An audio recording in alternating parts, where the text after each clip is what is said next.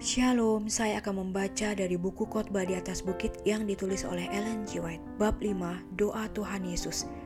Dalam pembahasan di buku Matius 10 ayat 10, Jadilah kehendakmu di bumi seperti di surga.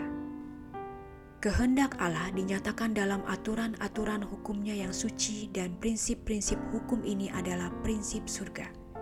Malaikat-malaikat surga mencapai pengetahuan yang tidak lebih tinggi daripada untuk mengetahui kehendak Allah.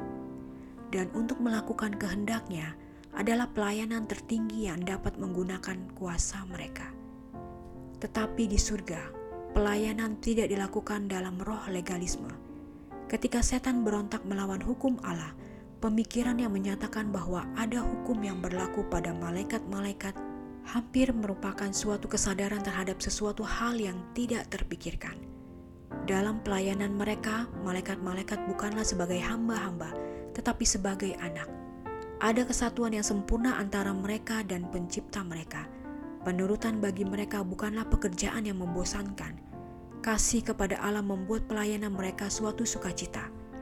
Jadi, dalam setiap jiwa di mana Kristus, pengharapan kemuliaan itu tinggal, Kata-katanya bergema, Aku suka melakukan kehendakmu ya Allahku, Tauratmu ada dalam dadaku.